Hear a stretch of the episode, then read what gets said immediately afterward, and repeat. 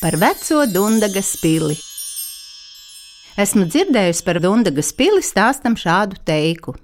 Reiz vecuma vecos laikos dzīvojis kāds bagāts, bet negantis kops saimnieks. Kādā vasarā viņš nolīdzis par govi ganu kādu zēnu. Šim zēnam nebija ne tēva, ne mātes. Viņi ir salīguši, par noganīto laiku dod zēnam vienu govi, kādu tik tas vēlēsies bet, ja nenoganīs, tad neko. Lai gan ganiņš zināja, ka pie ļaunā saimnieka vēl neviens nav noganījis lopus, tomēr mēģinājis. Nekas, gan jau iztikšu, gan jau. Pirmajā dienā nekas, noganīja tīri labi. Ganiņš pat sāka no prieka svilpēt. Tralalā, tralalā, tralalā, tralalā. Bet trešajā dienā, kaut gan ganiņš labi uzmanīja, tomēr kāda zila govs noklīda. Nu, saimnieks bija zili melns no dusmām un sūtīja ganu meklēt gobi rokā. Gans izmeklējās visu pēcpusdienu, tomēr neatrada. Beidzot, pēc garas meklēšanas, atrada diezgan platu caurumu zemē.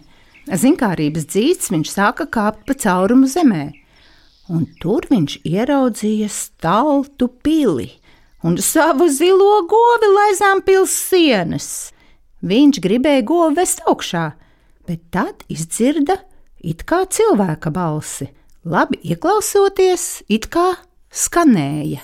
Ieklausties, ko rītu zvanīt, zvani, un tad, un tad izšaut šo vārdu.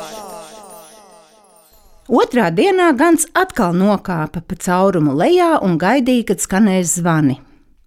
Viņš iztaigāja visas pilsētas istabas, kur atrada daudz nekustīgi sēdošus cilvēkus. Viņš pieskārās te vienam, te otram, bet neviens nepakustējās pilī valdīja nāves klusums. Pēkšņi ieskanējās zvani.